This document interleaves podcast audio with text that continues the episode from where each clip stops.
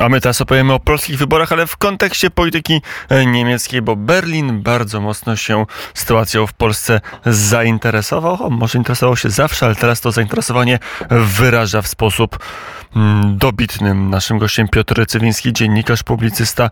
Dzień dobry, panie redaktorze. Witam serdecznie. E, panie redaktorze, e, pytanie to może najpierw opisowe i takie kierunkowe. Na ile właściwie obecne wybory parlamentarne w Polsce są tematem, który porusza niemiecką debatę publiczną i sprawia w, w, po takie podwyższoną temperaturę wypowiedzi u niemieckich polityków? No, bardzo jest podwyższona temperatura. Słusznie pan podkreślił niemieckich polityków, a co za tym mm, idzie niemieckich mediów. No, w społeczeństwie to raczej może aż tak wielkiego echa nie ma. Ale no, skoro zaproponował pan taką opisową formę, to warto nadmienić, że kanclerz Olaf Scholz pozwolił sobie podczas przemówienia w Norymberdze na opowiedzenie takiego osobliwego kawału, że Niemcy muszą mieć wielką plażę nad Morzem Śródziemnym, skoro do Niemiec dociera więcej imigrantów niż do krajów faktycznie leżących nad Morzem Śródziemnym. No to powiedział polityk SPD, były minister pracy i spraw socjalnych, a potem minister finansów i wicekanclerz w gabinecie kanclerz Angeli Merkel zarządów Wielkiej Koalicji Chadeków Socjaldemokratów, czyli pan, który ponosi bezpośrednią współodpowiedzialność za tę Willkommenspolitik, którą rząd Niemiec narzucił e, samowolnie całej Europie. No i dziś pozwala sobie na idiotyczne żarty z rzeczywiście dramatycznej sytuacji na e, unijnych granicach e, i z fatalnych skutków napływu imigrantów, jak zamachy, wzrost przestępczości, spadek jakości życia i po prostu strach o byt w społeczeństwach e, krajów południowej, e, zachodniej czy, czy, czy północnej e, Europy. No można by powiedzieć kanclerzowi dowcipem, że no, no, o szczycie bezczelnej troski zepchnąć teściową ze schodów i spytać, po co mamusia się tak śpieszyła. No ale sprawa śmieszna nie jest i faktycznie mm, to wiąże się z takim wątkiem polskim. To Niemcy ponoszą odpowiedzialność za to, że dziś sami chcą uszczelniać własne granice. To wina Niemiec, że czynią to już Austria, Dania, Szwecja, Norwegia, Francja, nie wiem czy kogoś pominąłem, Włochy, e, Czechy do układu z Schengen. No i teraz nagle wpadli na wspaniały pomysł, no bo kanclerz w sposób bezczelny usiłuje po niemiecku zrzucić odpowiedzialność na Polską za notabene rozdmuchaną przez opozycję tak zwaną aferę wizową, że to jakoby nasz kraj, przez nasz kraj przenikają setki tysięcy nielegalnych imigrantów do Niemiec, obciążając ich budżet i, i, i burząc ich e, e, wolsztant, ich spokój i dobrobyt. No i teraz mamy saksoński premier Michael Kretschmer, wywodzący się z CDU, czyli z partii kanclerz Merkel. Rozprawia dzisiaj o dramatycznej sytuacji i żąda przywrócenia stałych kontroli granicznych między Niemcami a Polską i Czechami. E, no w ogóle wzywa, że trzeba wysyłać do krajów Afryki sygnały, że imigranci będą, nie mają co się w ogóle wybierać do Europy, bo zostaną wyłapani i deportowani. E, apeluje do rodaków, my Niemcy musimy najpierw zadbać o siebie. No, tak, jego notabene partyjny kolega Torsten Frey wzywa w ogóle do zawieszenia prawa do azylu w Niemczech. No, tak brzmi ten chór e, zgodnych chadeków z CDU, CSU i, i socjaldemokratów, czyli z SPD, czyli sprawców tego tego imigracyjnego y, tsunami. No i teraz tu musimy przejść do tej najbardziej, powiedziałbym, nadrzędnej, y, y, nadrzędnego znaczenia Polski dla, w obecnej sytuacji dla Niemiec, dla polityków niemieckich. No bo jakby mało było tych kryzysów imigracyjnego, energetycznego, bo przecież spowodowanego przez Niemcy, finansowego i tej wojny toczącej się tuż za naszą granicą. Niemcy usiłują rozbudować wpływy w w Unii Europejskiej, w czym akurat przeszkadza im Polska, a konkretnie rząd Prawa i Sprawiedliwości. Tak tylko dla przypomnienia, to Polska nie zgadzała się na e, tę niemiecką politykę imigracyjną. To Polska ostrzegała przed skutkami niemieckiej polityki energetycznej, przed e, tą rozbudową e, Nord Stream 1, Nord Stream 2, czyli rosyjsko-niemieckiej pępowiny gazowej. No, rząd PiS jest dla niemieckich polityków jak ość w gazie gardle, bo po prostu zagraża no, realizacji ich strategicznych planów, w których nie ma miejsca na silną Polskę pod względem gospodarczym, pod względem militarnym, prowadzącą własną niezależną politykę suwerennego państwa. Stąd udział Niemiec w tej no, bardzo aktywny i bardzo czynny, w tym finansowy, w tej kampanii wyborczej toczącej się w Polsce. No, akurat wczoraj ukazał się taki bardzo symptomatyczny wywiad w, na niemieckim portalu GMX z panem, jak podkreślono, ekspertem od teorii politycznej i badań nad demokracją. To podkreślono w ogóle w tytule. No, pan nazywa się Ireneusz Koralewski. Jest, no uwaga, profesorem Uniwersytetu w Lipsku. Jest absolwentem politologii na Uniwersytecie po, po. Tam zresztą się doktoryzował. Tam uzyskał habilitację. Czyli jest to po prostu wychowanek, a obecnie pra, pracownik niemieckich uczelni. I okazuje się bardzo przydatny, no bo w końcu no, ma wykształcenie, ma polskie nazwisko, czyli no, jest niby jakoby y, tym autorytetem. I co? I pan y, Karolewski wywodzi, no jak strasznie jest w naszym kraju pod rządami tego zamordystycznego PiS.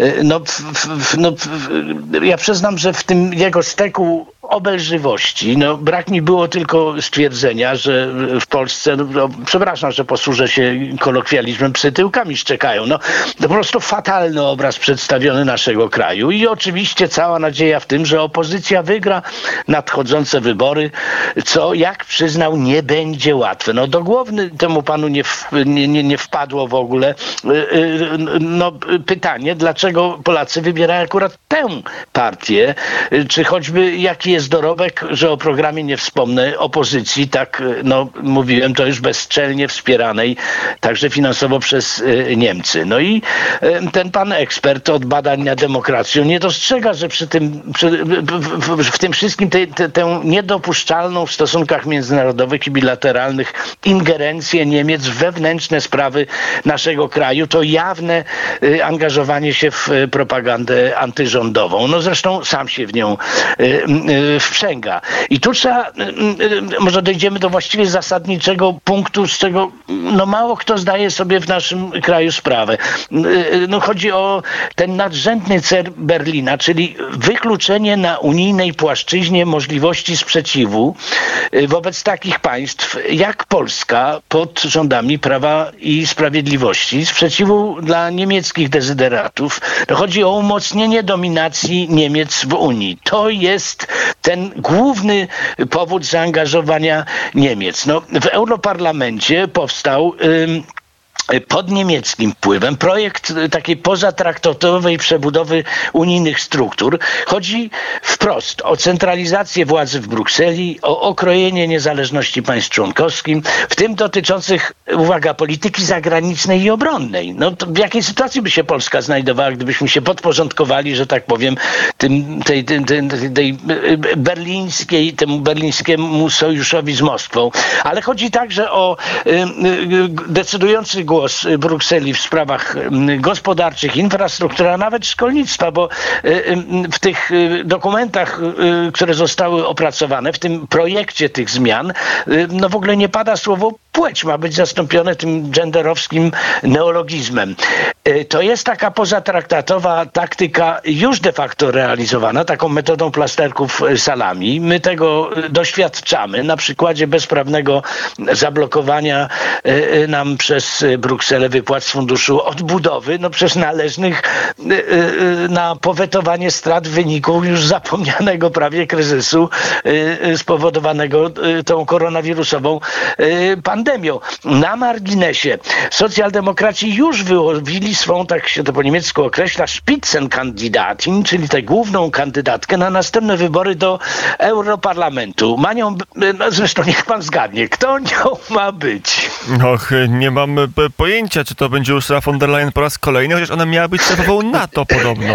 Nie, w tym przypadku chodzi o panią Katerinę Barley, czyli o, tę, o tę panią, która proponowała zagłodzenie Polski i Węgier za to, że ośmieliły się wytykać... I to ma być socjalistyczny szpicen kandydat na tak szefową... Jest, tak jest, tak jest. No, ja myślę, że warto o tym pamiętać, gdy pójdziemy do urn wyborczych. No, no polityka no, no nie jest godziną dla krótkowidzów, ani dla tych y, charakteryzujących się ciekawe, naiwnym sentymentalizmem. No. Co zrobi polska lewica w takim wypadku? Czy będzie popierać? Ja nie wiem właśnie, ja nie wiem, ja nie wiem, ale wiem, że Polska dopiero wypracowuje sobie takie należne jej miejsce na arenie międzynarodowej i wybór jest polscy, prosty. Albo będziemy podrzędnym takim popychadłem, albo liczącym się prawie 40-milionowym krajem traktowanym y, y, poważnie y, na arenie międzynarodowej. Ale zanim to się uda osiągnąć, no tu nawiązuje do tego, o czym pan wspomniał o naszej opozycji i nie tylko zresztą. No trzeba niekiedy ugryźć się w język, a niekiedy po prostu rozpychać się łokciami. Ja tylko przypomnę, kim jest szef obecnego rządu Niemiec, pan kanclerz Scholz. No, mało kto w Polsce zdaje sobie z tego sprawę, że jest to polityk o wielkim dorobku. Już jako młody socjalista rozpisywał się o NATO jako agresywnym, imperialistycznym, paskudnym sojuszu. E, e, no pan Scholz figuruje w ogóle w aktach enerdowskiej bezpieki Stazji jako godny zaufania towarzysz w tak zwanej walce klasowej między wschodem a zachodem. W ogóle, gdy był jeszcze wiceszefem socjalistycznej młodzieżówki w Niemczech Zachodnich, jeździł do dawnej NRD z odczytami, występował na różnych wiecach, imprezach komunistycznej partii SED, był zaprzyjaźniony osobiście z Egonem Kręcem, ostatnim sekretarzem tej partii przed, Zjednoczonym, przed, przed Zjednoczeniem Niemiec. Mało tego, no tuż przed zburzeniem muru berlińskiego wskazywał Stany Zjednoczone jako największe zagrożenie, jako największych wrogów dla porządku na świecie i, i w ogóle pokoju. No można zadać sobie pytanie, powtórzyć po prostu, gdzie bylibyśmy my Polacy, jak wyglądałaby sytuacja w naszym kraju, choćby w kontekście napaści Rosji na Ukrainę, która w opinii niemieckich polityków miała no już po tygodniu nie istnieć.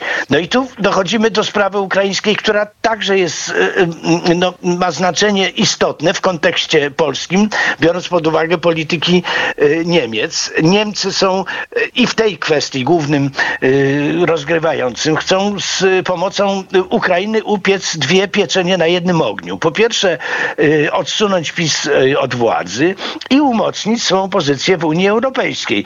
I Berlin tutaj posługuje się takim paskudnym szantażem natury moralnej, ale nie tylko, że to jakoby nasz kraj stoi na drodze do przyjęcia Ukrainy do Unii Europejskiej, no bo oponuje przeciw zniesieniu prawa weta we wspólnocie, o czym wspomniałem, y, co w istocie oznaczałoby no przecież ubezwłasnowolnienie Polski i innych państw członkowskich. Y, chodzi o podporządkowanie się tej większościowej woli niemiecko-francuskiego y, tandemu. No Francja zadłużona jest po uszy, jest zależna od Niemiec. No stała się takim instrumentem polityki Berlina za tę cenę iluzorycznego jej uczestnictwa w tym takim decyzyjnym, tak zwanym eurodyrektoriacie. No ja uważam, że w przypadku Ukrainy nasz rząd popełnił błąd, przed którym ostrzegałem wcześniej, więc y, mogę to powtórzyć także dzisiaj, że udzielił Ukrainie bezwarunkowego poparcia, nie żądając niczego w zamian. No, upraszczając y, sprawę, gdyby nie zaangażowanie Polski, no Ukrainy by rzeczywiście już nie było po tygodniu, no ale oczekiwanie wdzięczności w polityce jest jak, nie wiem, czekanie na Godota. No, ja osobiście nie wierzę w te obietnice y, niemiecko-francuskie y, tego szybkiego procesu włączenia Ukrainy do wspólnoty, bo trzeba najpierw spełnić określone kryteria akcesyjne, a tego nie da się się załatwić z dnia na dzień. To wymaga wielu lat yy, wyrzeczeń, a także zgody wszystkich członków Unii.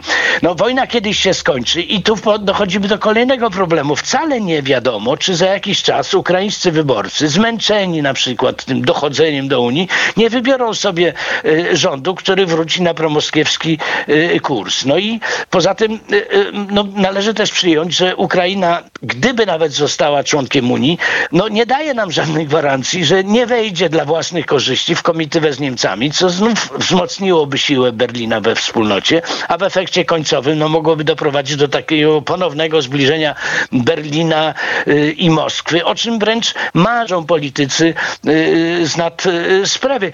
Y, ja myślę, że w tym kontekście ostra krytyka y, ze strony prezydenta Zełęńskiego na forum ONZ, to jego wezwanie o dołączenie Niemiec. No kuriozalna sprawa, jako rzekomo najważniejszego gwaranta garanta w Europie stabilizacji i pokoju. On apelował o dołączenie do grona decydentów o losach świata, do, do grona stałych członków Rady Bezpieczeństwa. No to jest nadrzędnym celem wszystkich rządów w Republice Federalnej Niemiec, począwszy od y, chwili zjednoczenia. Y, t- Te aspiracje wyraził głośno i oficjalnie kanclerz y, Helmut Kohl. Wszystko to oczywiście y, sprowadza się znowu do Polski jako tego kraju, który, przepraszam, protestuje, oponuje przeciw y, temu y, takiemu pangermańskiemu kursowi przyjętemu przez y, Zjednoczone Niemcy. W tym momencie powinno się po prostu zapalić, bez względu na sympatie polityczne, czerwone światło w głowach, no powiedziałbym, wszystkich polskich polityków. To już na koniec się dopytam o kwestię granicy. Jest tak, że Berlin będzie chciał albo w ogóle może pod względem gospodarczym chociażby zamknąć granicę, w tym sensie zamknąć, że wprowadzić pełne kontrole paszportowe między Polską a Niemcami, żeby jeszcze w tej kampanii na końcu zamieszać w Polsce. E, może i nie może. Z jednej strony e, musi się liczyć z tym, że rzeczywiście ten ruch przygraniczny istnieje po obu stronach, to znaczy pracują y, Niemcy w Polsce, Polacy w Niemczech, trwa ta stała wymiana, więc to przy okazji pandemii okazało się już wręcz niemożliwe czy trudne i potem robiono do, do, do, do wprowadzenia i po, potem stosowano różne wyjątki, niektórych kontrolowano, innych znów nie. Ale ja chciałbym zwrócić uwagę, że przywracanie mm, okresowych kontroli na y, granicy jest w grupie Schengen niczym y, nowym, bo na przykład no, do 11 listopada, jeśli dobrze y, pamiętam, mają trwać już wprowadzone kontrole na granicach w Austrii, w Szwecji, w Danii. Ym, Zresztą zaczyna to wprowadzać także y, Francja, nie, Norwegia już to wprowadziła. No były te przypadki y, y, y, podczas światowego, y, Światowych Dni Młodzieży w Portugalii, czy szczytów w y, Wilnie, że przywracano kontrole graniczne, więc ja myślę, że my tu się tego nie bójmy i nie dajmy się po prostu szantażować, nie dajmy się zwariować. Zaczęliśmy od tego, że Polska stanowi y, ości w gardle dla niemieckiej polityki, bo po prostu no, no, sprzeciwia się ich strategicznym, ich dalekosiężnym y, planom. I myślę, że nie, nie powinniśmy się przejmować tego typu odpryskom polityki, które się wydarzają. Y, Ja myślę, że z czasem sytuacja będzie musiała wrócić do normy. No tymczasem musimy zaczekać y, do wyniku wyborów. Ja mam tylko nadzieję, że rzeczywiście nie wrócimy y, znowu na te tory naszej y, polityki, że będziemy musieli po jakichś latach dokonywać jakiegoś fatalnego resetu, co się stało, jakie to znów ustępstwa Polska poczyniła na rzecz Berlina czy Moskwy. Mm, O tym mówił Piotr Cywiński, dziennikarz tygodnik sieci Portal w Polityce. Dziękuję bardzo za rozmowę. Dziękuję również. Do usłyszenia. Nie, to nie była ostatnia rozmowa, pewnie jeszcze w tej kampanii wyborczej, o ile pan redaktor się zgodzi, bo coś czuję, że Niemcy jeszcze będą w naszej debacie chcieli zaistnieć. Godzina banku zagwarantowane, to mogę podpisać się pod tym obiema rękami. No cóż, na Niemców zawsze możemy liczyć. zatem, redaktorze, do usłyszenia. Do usłyszenia.